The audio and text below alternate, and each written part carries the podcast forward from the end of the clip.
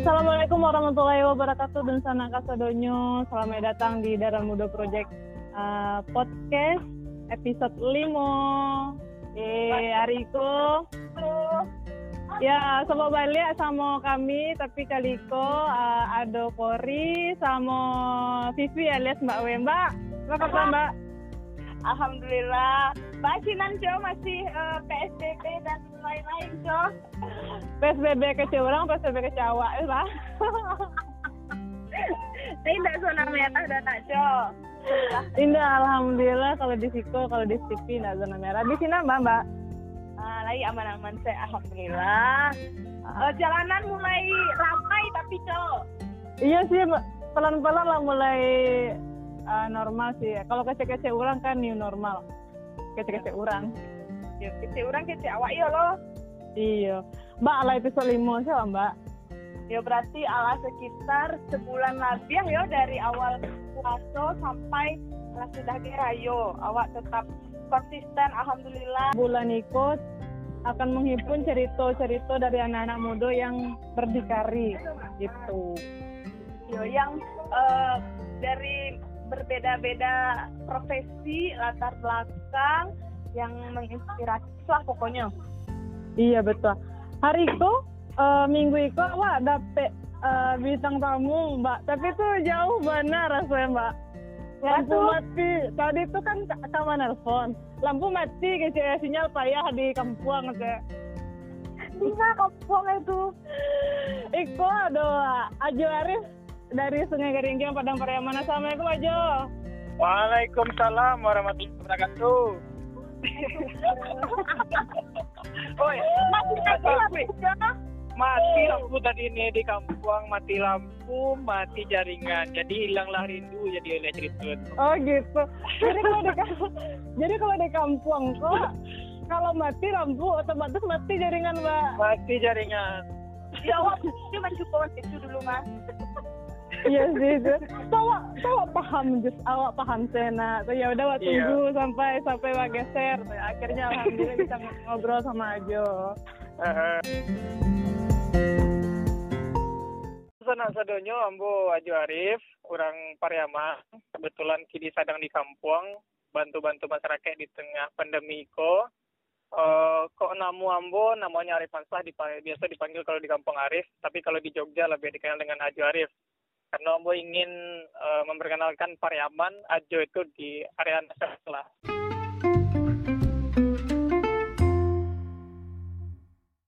Jiko Jo, kami patangku kepo, kepo kepo sete gitu mah sama uh, Instagram Ajo. Jadi uh, di bio aja tuh ada tagline namanya uh, tulis tak tulis di sini berakar tapi mengalir. Kira-kira tuh apa tujuh artinya? Nah, -hmm. jadi dari bio Instagram itu dari Instagram yang Ambo itu Ambo menggambarkan sebuah rumah Instagram Ambo itu. Instagram itu sebuah rumah. Nah yang kayak bionya itu adalah uh, halaman depan uh, halaman depan rumah Ambo identitas diri Ambo tentang apa maksud dari berakar tapi mengalir gitu loh jadi uh, Diko sana kadonyo di mana pun berada baik di kampung maupun di rantau uh, kita sebagai anak muda, apalagi semua sebagai mahasiswa tentu idealis adalah harga mati gitu lah kan. Idealis adalah harga mati karena menurut awak uh, integritas lo uh, satu apa namanya identitas diri itu penting gitu. Tapi di tengah uh, idealis itu kita harus realistis gitu. Jadi makanya uh, bahasa di situ adalah berakar, berakar itu ya idealis lah Uh, mengalir itu adalah realistis. Jadi dalam menjalankan kehidupan, dalam berkarya, dalam berkolaborasi, itu harus idealis tetap, tapi harus realistis gitu. Ma, kok bakso Minangnya manampean segala sesuatu pada tampeknya lah gitu. Mungkin itu nih. Berarti tidak bisa idealis ya agak curang bang. Ah, tidak bisa. Kita harus, ayo harus imah bumi dipijak di situ langit dijenjang atau bagian dari berakar tapi mengalir teman mantap iya, mantap, iya. mantap.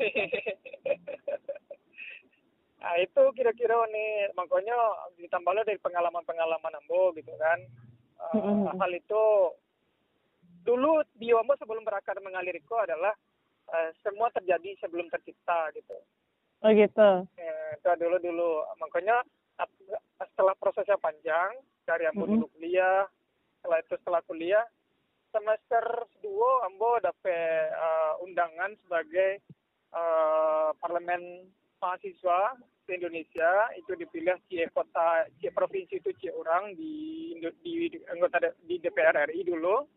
Mm-hmm. terus dapat pengalaman di situ gitu. Tambah lo ambo uh, pernah lo uh, ikut organisasi yang ada di Jogja nasional gitu lah ditambah lo lai cek lai ketika 2008 2009 balik eh 2008 balik 2020 pertengahan itu ambo mm-hmm. uh, berproses di kantor staf presiden gitu di bagian komunikasi politik gitulah jadi dari mm-hmm. beberapa pengalaman itu kita harus mempunyai prinsip dalam hidup tapi harus realistis juga melihat perbedaan atau perubahan-perubahan yang terjadi gitu hmm. oke okay. sampai uni sampai sampai sampai sampai sampai Jo kan uh, Ajo kok ma ma masih tinggi ampe berarti nak Jo. Apa? Berarti kini masih tinggi ampe. Iya. Uh, kan masih tinggi ampe tuh ini kata kok kepo-kepo lo kan kalau uh. Ajo kok Ajo bue vlog gitu di YouTube. Ah, iya. Yo, kepo lo Ajo wawancarai orang, wawancarai sia gitu lah. Tuh yeah. kepo lo Instagram Ajo, Ajo punya lo kayak uh, owner gitu kan mandestor lah tuh ada kayak gerakan negariku nah aja hmm. lebih fokus atau pengen dikenal itu sebenarnya uh, lebih nyaman sama sebagai youtuber kah sebagai uh, yeah. founder kah atau sebagai pengusaha muda kah gitu sedangkan sadar nah saja misalnya dulu banyak orang yang kenal Joko lewat YouTube kayak gitu lebih senang itu dikenal sebagai apa Jo? Oh, oke okay nih, makasih nih. Uh, kalau dari uh, dikaji awal dulu biar tentu ya kan baik itu bapak minang nah. Udah mantap jadi jadi. Di, biar dikenal lebih kok uh, terakhir aja lah Biko, tapi mau kaji awalnya dulu gitu. Jadi dulu ambo 2006 balik itu 2005 balik 2006 balik itu acok demo gitu lah acok uh, demo tentang kebijakan-kebijakan pemerintah gitu lah jadi jalan gitu Nah, terus setelah itu Ambo berpikir gitu, apa sih cara kreatif mengkritik pemerintah, pesannya sampai, tapi tujuannya sama gitu. Nah, akhirnya Ambo menjadi, menjadikan YouTube itu sebagai media komunikasi Ambo untuk kepada pihak yang ber apa ya memiliki kepentingan lah gitu. Nah, waktu itu Ambo memanfaatkan YouTube sebagai uh, media berkarya Ambo di sini gitu lah. Nah, mm-hmm. uh, di situlah cerita awal Ambo untuk uh, berproses di YouTube gitu. Awal-awal orang bing, uh, mengenal Ambo adalah seorang uh, youtuber gitu lah, vlogger lah lebih tepatnya vlogger. Mm-hmm. Nah di vlog di vlog Ambo itu membahas tentang uh, ke Minangkabauan, terus cerita anak muda Minang itu rata-rata bahas semua bahasa Minang saja di situnya. Vlog Ambo mm-hmm. Minang di Jogja, vlog Minang di ada konten aku baca cerita, berbagi cerita, sama ada beberapa tokoh-tokoh yang lambu baca cerita di situ gitu. Banyak dari anak muda gitu. Sebenarnya kontennya apa kok sama kayak uh, apa namanya kayak darah muda project itu hanya podcast gitu. Cerita mm-hmm. anak muda gitu. Uh, sama kayak di konten baca cerita ambo itu, tapi nya video ya, itu podcast gitu. Oh. Sama lah, sama gitu. Uh, jadi uh, di ambo waktu itu uh, prosesnya gitu lah. Ada baca itu, ada malala, ada jawab vlog gitu. Nah, ketika lah dikenal sebagai seorang youtuber waktu itu di Jogja, uh, Ambo ya namanya orang Minang ya, orang Minang itu uh, dikenalkan sebagai apa namanya tahun ya sebagai ya di mampu bumi dipijak di situ kita magaleh kan. iya iya iya. Nah itulah pepatah di mana di mana dipijak di situ kita magaleh gitu lah. Jadi di Jog jadi bang uh, jadi di situ Lambo merasakan apa namanya meraso uh, kesempatan itu gitu. Lah dikenal sebagai vlogger jual lomba vlog uh, presiden waktu itu dua kali waktu itu kan diundang sampai kantor staf presiden gitulah nah, jadi mau merasa jiwa kreativitas. Sama kok ada lo di bagian desain grafis gitu? Ya oh. karena ada di bagian di desain grafis sama bisa kita mau jadikan lah itu sebagai usaha gitu. Untuk mencari cari pitih lah pitih pitih tas di Jogja kan. Tapi alhamdulillah lah alhamdulillah gitu jalan di situ ada clothingan ada korsa mahasiswa gitu mm-hmm. nah terus uh, kamu tadi berproses dia po bergerak untuk sosial gerakan sosial Iko tetap mm-hmm. memanfaatkan media sosial gitu. Itu nagariku gitu lah. Nagariku itu adalah peduli yatim piatu dua samo surau yang ada di Minangkabau gitu. Alhamdulillah baru enam bulan kami lah melakukan kerjasama dengan beberapa pihak termasuk dengan inisiatif zakat Indonesia itu apa ya kayak uh, itu programnya adalah uh, bantuan pendidikan bu anak yatim gitu. Oke. Okay. Nah jadi uh, setelah uh, vlog aja vlog setelah itu mau bikin Monday Store itu clothingan ambo untuk uh, clothing clothing baju-baju tentang Minang gitulah. Terus ada programnya desain, ngedesain adalah uh, program Mambo untuk anak-anak yang ingin belajar desain grafis secara gratis di Jogja. Mm-hmm. Itu Mambo ci, uh, ci angkatan itu uh, tiga kali pertemuan gitu. Alhamdulillah, alhamdulillah dari ngedesain itu belajar ngedesain itu uh, orang yang nggak bisa ngedesain grafis, Corel Draw, alhamdulillah bisa belajar. Ada bayar aja. Gak ada bayar gratis. Gratis itu tiap Sabtu mau buat di Bento Coffee Jogja gitu lah. Biasa dengan Bento Coffee sebagai tampeknya gitu. Alhamdulillah di situ lah angkatan ke-8 gini mah. Terus oh. diundang di UG, diundang UGM gitu, kawan-kawan UGM, kawan-kawan UIN, kawan-kawan UAD. Alhamdulillah lah gitu. Akhirnya dari Amo terus bergerak di bagian sosial itu ada Nagariku gitu lah. Nagariku itu adalah uh, gerakan sosial yang peduli yatim, piatu, duafa, sama surau yang ada di Minangkabau, Sumatera Barat. Mm-hmm. Dan alhamdulillah enam bulan kami sini uh, berjalan bergerak uh, enam bulan bergerak itu alam berikan bantuan donasi kepada anak-anak yatim yang ada di negari-negari. Terus di tengah pandemi itu kita memberikan sembako-sembako. Terus dan terakhir kami kerjasama dengan Inisiatif Zakat Indonesia untuk mm-hmm. program uh, buka bersama Pak Tanggo dengan anak yatim, sama program uh, terakhir itu adalah program donasi untuk uh, anak yatim yang bersekolah. Jadi kami balian tas sepatunya yang butuhan kami beliin sepatu, kami ini butuh tas kami beliin tas baru gitu lah. Uh, Alhamdulillah itu program lagi jalan gitu. Nah pertanyaan selanjutnya kan dari wanita, Ajo lebih uh, suku dikenal sebagai siapa gitu. Mm-hmm. Nah kalau tentang itu Ambo lebih suku dikenal sebagai anak muda Minang. Oke. Okay. Bukan oh, sebagai youtuber, bukan sebagai vlogger, bukan sebagai uh, bukan sebagai owner gitu. Uh-huh. lebih suka, ambo bangga dengan identitas uh, Minangkabau, ambo bangga dengan uh, pokoknya awak Arif Mansah, Aju Arif, awak anak muda Minang gitu. Awak suka dengan hal itu gitu. Karena Minangkabau adalah uh, darah daging awak gitu kan. Mungkin itu nih. Oh, Tapi sadar nggak? Kalau awalnya memang di di dikenal tuh gara-gara aja Arif gitu? Kalau awal-awal dikenal sebagai youtuber sih sebagai vlogger. Hmm. karena kehidupan berubah gara-gara vlog lah. Iya iya benar-benar iya, iya, iya. nah Yo. bicara bicara vlog sebenarnya kan betul lah Cici bahas di ini? Tapi kok uh, menarik sih uh, kalau bahas vlog Ajo Arif atau uh, YouTube-nya Ajo Arif itu pasti ada tagline-nya karya kolaborasi sama berbagi tapi yeah. aja sih aja ngece-ngece gitu kan nah mm-hmm. kalau seputar uh, apa sih nah, produksi konten dan lain sebagainya untuk bertahan di industri kreatif kayak gitu Jo kayak YouTube apa pun itu mau Instagram selebgram dan lain sebagainya kira-kira basis caranya biar tetap konsisten mm. biar bisa okay. tetap konsisten terus dapetin ide sama inspirasi versi aja gitu share gitu siapa tahu bisa bantu kawan-kawan yang lain oh sampai ini mm. Hmm, oke. Okay. Uh, eh, sebenarnya di kalau masuk di channel Ambo di YouTube itu Aju Arif itu ada tiga tagline Ambo karya, kolaborasi, berbagi. Nah, uh, kenapa mau mengambil tagline itu karya, kolaborasi, berbagi? Karena bagi Ambo uh, yang kita butuhkan di era sekarang itu adalah yo karya gitu, bukan cacian, bukan bulian, bukan hinaan gitu. Terus uh, kolaborasi kerjasama bukan kompetisi gitu. Kompetisi ya sekedar uh, sekedar bersaing terus menang selesai gitu. Tapi ketika kita yes, mengadakan kolaborasi kayak uh, muda project Kiniko gitulah itu kan kita kolaborasi kok gitu. Itu yang dibutuhkan mm-hmm. anak muda Kiniko gitulah untuk Indonesia yang lebih maju ke depan. Termasuk untuk Minangkabau lebih khususnya gitulah nah berbagi mm-hmm. ya berbagi. Ya konteksnya uh, bagi Ambo uh, di proses yang umur masih 23 tahun Iko Uh, kesuksesan bukan eh, kebahagiaan bukan tentang kesuksesan tapi tentang kebermanfaatan. Bermanfaat berawal dari berbagi gitulah jadi mm-hmm. uh, ketika ini bilang coba caranya biar produktif biar bisa konsisten gitu dan lain sebagainya. Uh, semua berawal dari niat sebenarnya sih.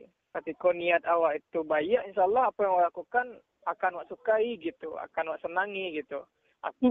Uh, semangat gitulah melakukannya gitu. Karena ada nilai ada nilai yang kita perjuangkan dalam sebuah gerakan dalam sebuah karya dalam sebuah uh, ide gitulah makanya bagi ambo pribadi sih ide yang baik itu adalah ide yang bisa digerakkan gitu kalau ngebacot atau ngebully semua orang bisa gitu kan tapi iya tidak sih. semua orang bisa bisa tidak semua orang uh, bisa menjadikan idenya itu sebuah gerakan yang bisa direalisasikan dan bisa diterima orang banyak mungkin itu sini dulu oh. vlog tentang itu Jo uh, vlog tentang ya magang di kepresidenan terus um, cerita sama udah Yulian uh, uh, uh, kan itu memanglah direncanakan platformnya atau bahas sih? Untuk apa nih? Maksudnya lah direncanakan ala di ala diplanningkan kontennya atau baat waktu uh, oh. jadi aja kan banyak meliput tentang uh, kamu uh, aja yang magang di kepresidenan terus presiden ya. ketemu ketemu sama orang-orang uh, yang cukup berpengaruh lah gitu loh. Itu memang dikontenkan atau memang diplanningkan yang kayak gitu atau mbak oh oke okay nih uh, terima kasih ini pertanyaannya mm -hmm. uh, sebenarnya se kalau itu memang diplanningkan bagi awak gitu Bahkan hari ini uh, Abu Surang planningkan tentang gerakan itu baca Rito gitu lah di 2020 gitu. Makanya awal vlog kamu itu kan 2018 awalnya. Mm-hmm. Uh, di 2018 itu lah fokus kepada uh, menyuarakan aspirasi-aspirasi aspirasi-aspirasi uh, buat kepentingan dan kebijakan-kebijakan yang ada di di Indonesia gitulah.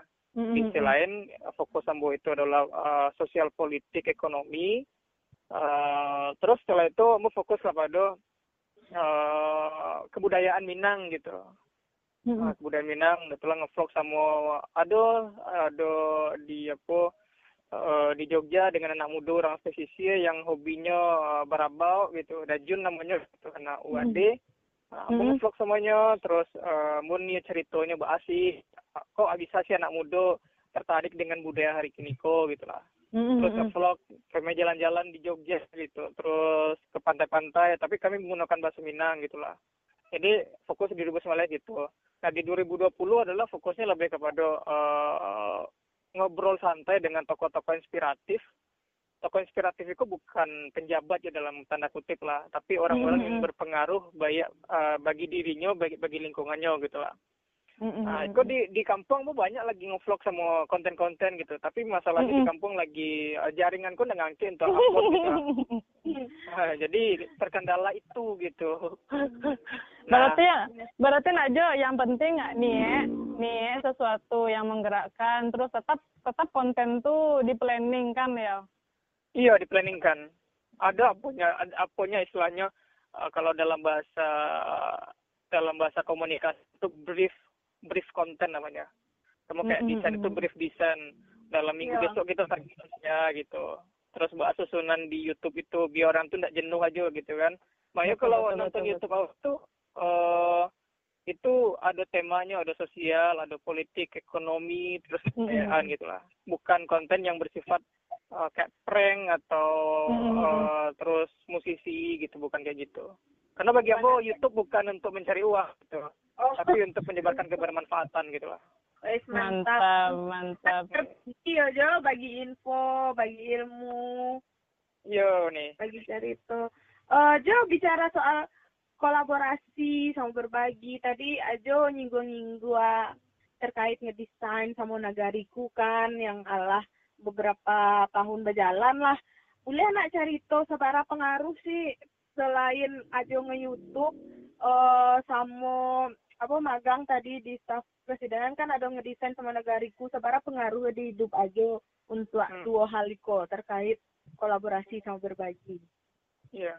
Uh, pengaruh ya sangat berpengaruh lah, sangat berpengaruh bagi Ambo uh, secara pribadi dan bagi kawan-kawan anak muda yang lain dan bagi bermasyarakat gitulah atau salah satunya di negariku sama ngedesain lah. Itu gerakan sosial gerakan kreatif lah yang ambo buat gitu.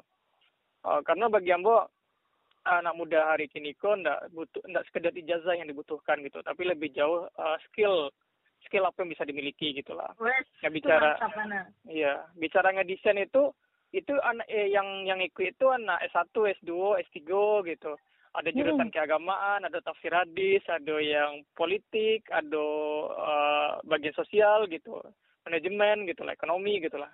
Nah, hmm. jadi titik poin ambo di di anak di kawan-kawan yang sanak-sanak yang di belajar ngedesain itu uh, jurusan kita boleh beda tapi tapi kita harus menciptakan skill yang sama gitu. Ya di di, di, di Siko adalah bicara tentang desain grafis gitu lah. Karena desain grafis adalah peluang uh, karir yang sangat bagus gitu di era di era masa depan. Hari ini eh, uh, anak-anak desain, anak desain grafis atau editing video, copywriter itu kan laku bana kan, iya sih, laku bana gini gitu. Nah makanya termasuk di nagariku, di nagariku, uh, alhamdulillah gitulah dari gerakan kolaborasi yang membuat, ambo ngajak anak-anak muda Minang yang ada di kampung atau di negari-negari yang lain untuk berkolaborasi gitu, memberikan dampak lah karena bagi kami uh, semangat kami adalah butterfly effect gitu. Sana uh, pada sana ya kami percaya lah tentang uh, di nagariku atau di ngedesain atau yang kami gerakkan yang bergerakkan dengan kawan-kawan gitu lah. Itu seperti uh, butterfly effect gitu. Butterfly effect itu uh, walaupun gerak kami kete gitu tapi insya Allah lah gitu. Ketika yang kete-kete kok kita kolaborasikan kita satukan bersama bisa loh uh, menjadi angin tornado lah memberikan dampak yang positif bagi masyarakat gitu lah. Setidaknya bagi kami seorang lah tentang kehidupan gitu. Makanya uh, ndak usah ya kita gerak aja dulu gitu. Nggak usah mikirkan yang besar-besar gitu. Sering berjalan waktu Allah itu meridhoi apa yang kita lakukan selagi niatnya baik, insya Allah semua semua ada jalan gitu. Kira-kira gitu. Amin, amin, amin, amin, bener, bener, bener banget. Mau nanya Jo. Apa tuh? Jo nagariku kok base di Mago Jogja atau di kampung? Sedangkan aja masih kuliah kan nah kayak uh, gitu. Tapi gerakannya terus? untuk kampung. Boleh yeah. eh, nggak ngaram kami doa base nya panjang lo nih deh soalnya nah. aja di Jogja oh itu yeah. juga di kampung gerakannya. Boleh itu pendek lah pak. Itunya penasaran sih. Penasaran ya? Iya. Uh, Nah, jadi cari capek ini ya. Iya. Lah. nah, nagariku kok uh, memang Abu gue idenya dapat di idenya dapat di Jakarta. Ah. idenya dapat di Jakarta waktu di kantor staf presiden. Apa sih yang bisa dilakukan anak muda Minang walaupun jauh dari kampung misalkan mm -hmm. memberikan kontribusi untuk nagari gitu. Oh, itu idenya. Itu konsepnya. Ah, oh. Nah, itu di awal tuh di Jakarta tuh waktu di kantor staf presiden uh, intinya di situ ambo ingin berbagi dengan yatim piatu duafa sama surau-surau yang ada di di Sumatera di Minangkabau. Nah teknisnya ambo buat di Jogja. Mm -hmm. uh, itu teknis itu ambo cuma punya anggota tiga orang. Oh aduh. Uh, uh, ide uh, idenya dari ambo sampai nagariku sampai teknis uh, ambo ngurusin tentang uh, apa strategi media kreatifnya konten-kontennya gitu terus ada tim ambo di di rumah uh, di kampung udah dua orang. Ada yang pertama Monica Sarmila anak UNP pendidikan kimia. Itu nyo tugasnya oh. adalah uh, administratifnya tuh. Surat manyure data-data gitu. Terus mm -hmm. pokoknya bagian data administratif lah nyo ngerajon tuh. Terus mm -hmm. ada seorang lain. Itu kok anak dan cewek kok anak perempuan umur apa ya? Namanya Emi Elmilia Susanti Iko kontrape di kampung, cuma tamatan hmm. SMA gitu. Oh. Nah, di kampung gitu. Terus di negari, nah, terus biar jadi tim sebagai koordinator logistik. Oh. Nah, inyo yang mengatur sianan pati dan sia di surveinya terus kayak apa kebutuhan inyo koordinatornya gitulah. Jadi okay. nagariku walaupun nambo di Jogja, tapi alhamdulillah uh, program pertama kami lah bisa memberikan donasi sampai juta tiga ratus ke kampung gitu kan nagari gitu lah. Oh, hmm, oh gitu untuk, sistemnya. Ah, jadi gitu, ada gitunya. di kampungnya ada tim lo gitu. Ah iya, tapi alhamdulillah kini di tengah corona kok. Hmm? Ah, aku kan pulang kampung dari Jogja. Hmm. Ah, terus lah gua lambu. Ba? Lastua fokus ngarajonana. Iya. Nah akhirnya di Jogja itu um, pasti di kampung lah sistemnya untuk kepengurusan yayasan Nagariku. Itu lagi ngurus oh. tentang yayasan. Oke. Okay. Menarik sih, menarik sih. Keren, keren, keren, keren, keren. Tapi tetap ada mapping aktornya nggak sih? Tetap harus ada yang di kampung, tetap harus ada controllingnya. Menarik, menarik. Iya. Iya. Sebentar lagi maghrib guys. Uh, iya. Jadi uh, untuk menutup sesi Ajo kok, uh, Ajo kan Minang mana kok? Kalau seneda ya. pilihan untuk memilih, kan awak punya Bu Hamka, punya Bu Hatta, Tan Malaka. Kira-kira eh, Ajo kok tim tim siapa sih? Terus oh. sampai sih cie buat favoritnya apa? tim Sia ya. Iya. Semangat awak tuh ya. Iya, benar benar. Awak, uh, semangat awak itu apa ya semangat waktu Bu Hamka sebenarnya. Uh-uh. Hmm, kenapa Bu Hamka gitulah? Karena Bu Hamka bisa mengkolaborasikan antara surau, lapau, jerantau gitu. Jadi uh, dari Ambo dulu dari ketek umur lima tahun sampai Laka Jogja tuh mengajar ngaji di surau gitulah. Karena bagi mm -hmm. Ambo surau itu adalah fondasi bagi anak muda Minang gitu ketika tentang agama dan kebudayaan. Mm-hmm. Nah, untuk diketahui lo kenapa namanya surau di kampung itu asal katanya itu kan pengetahuan ambo berawal dari kata sawara yusawiru musyawarah lah. Di surau itu tampak musyawarah salah satu adalah tempat sholat gitu. Nah, makanya di Minang itu kan mengaji di surau, belajar adat di surau, rape keputusan di mama di surau gitu lah. Nah, Bu Hamka punya semangat itu gitu, nya orang surau gitu. Karya-karyanya banyak gitu lah. Terus lapau gitu ya Bu Yamka orang yang sosial gitu bersosial bahkan masuk ke dalam tataran pemerintahan gitu dan rantau Bu Yamka uh, membuktikan rantaunya itu memberikan dampak yang luar biasa. Bahkan sampai kini namanya dikenang dan karyanya dipakai sama orang banyak gitu kan. Jadi kalau bicara uh, tokoh yang ambo di Minang gitu ya uh, Buya Hamka gitu. Tapi kalau tokoh politik di Ambo gitu politik kamu udah Sahrir, Tan Malaka gitu. uh, dia itu mau panjang itu dia bahkan betulis dia kalau motivasi politik kamu ya Sahrir, Tan Malaka, terus Bu Abung Hatta gitulah. Tapi kalau surau bagian keagamaan itu Bu Hamka gitu. Gerakan keperempuanan gitu. Itu ada ada ada motivasi motivasi. Tapi bagi Ambo Surang adalah motivasi terbaik adalah uh, mengenali diri sendiri. Itu bagi Ambo gitu mantap mantap mantap banget ada tuh lagi ada lagi sumpah ada lagi mbak Wei mungkin ada mau ditutup dengan quotes ya mantap Allah dirangkum dah ajo sado mas oh iya sih. ya Allah terwakili dah ajo sado Ma Tapi mau aku ingin, aku ingin menutup dengan sebuah uh, kata bijak tadi gitu ah, Coba lah, coba Kata bijak lagi kok yang menjadi di mana-mana Bo beradu mungkin selalu sampaikan itu hmm. uh, yang dicari dalam hidup itu adalah kebahagiaan.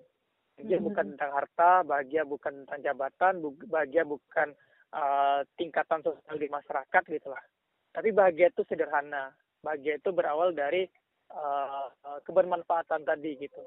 Jadi hmm. uh, kunci dari kebahagiaan bukan tentang kesuksesan, tapi tentang kebermanfaatan itu adalah slogan yang selalu Ambo sampaikan gitu karena orang sama rasuan gitu masalah sukses di usia muda 8 balik tahun Ambo 9 balik lah di kantor presiden gitu kan lama mm -hmm. kete banyaknya baal orang kerja PNS baal nerima gaji baal mm -hmm. kerja keluar kota gitu tapi di situ Ambo belum menemukan titik kebahagiaan. Tapi di negariku di ngadisan semuanya Ambo merasa oh ternyata ketika kita bermanfaat itu insya Allah bahagia itu ketenangan hidup ketenangan jiwa kedamaian itu akan kita dapatkan. Selama itu ikhlas yo. Tapi selama maharoan apa segala sesuatu yang kerajaan untuk awan yo jadi ko jadi ko ya mungkin itulah dapat waktunya gitu. Yang penting ikhlas aja dalam bergerak gitu dan sana kesuduhnya akhirnya sampai di penghujung podcast ala Kalina. Kamu kasih ah, banyak aja alam meluangkan waktu di Darah Muda Project baca itu. Mantap darah muda project pokoknya. CG koyak pokoknya. Maaf Liga 2 jam-jam sibuknya. Dan bersama kami. Iya. Terima kasih. Selamat siang selamat sore selamat malam kita tak sadonyo Ya, Terima kasih ya kami dari Darah Muda Project. Uh, pamit Mbak W episode sama yang inspiratif lainnya. Jadi, jadi gitu dan sana sadonyo tetap semangat bangun kampung dari seluruh lini di kap, di mana pun, kapan pun, sampai kapan pun. Gitu. Sampai kapan pun. Betul. Sampai jumpa di episode selanjutnya. Mau kasih, mau kasih sukses selalu. Salam.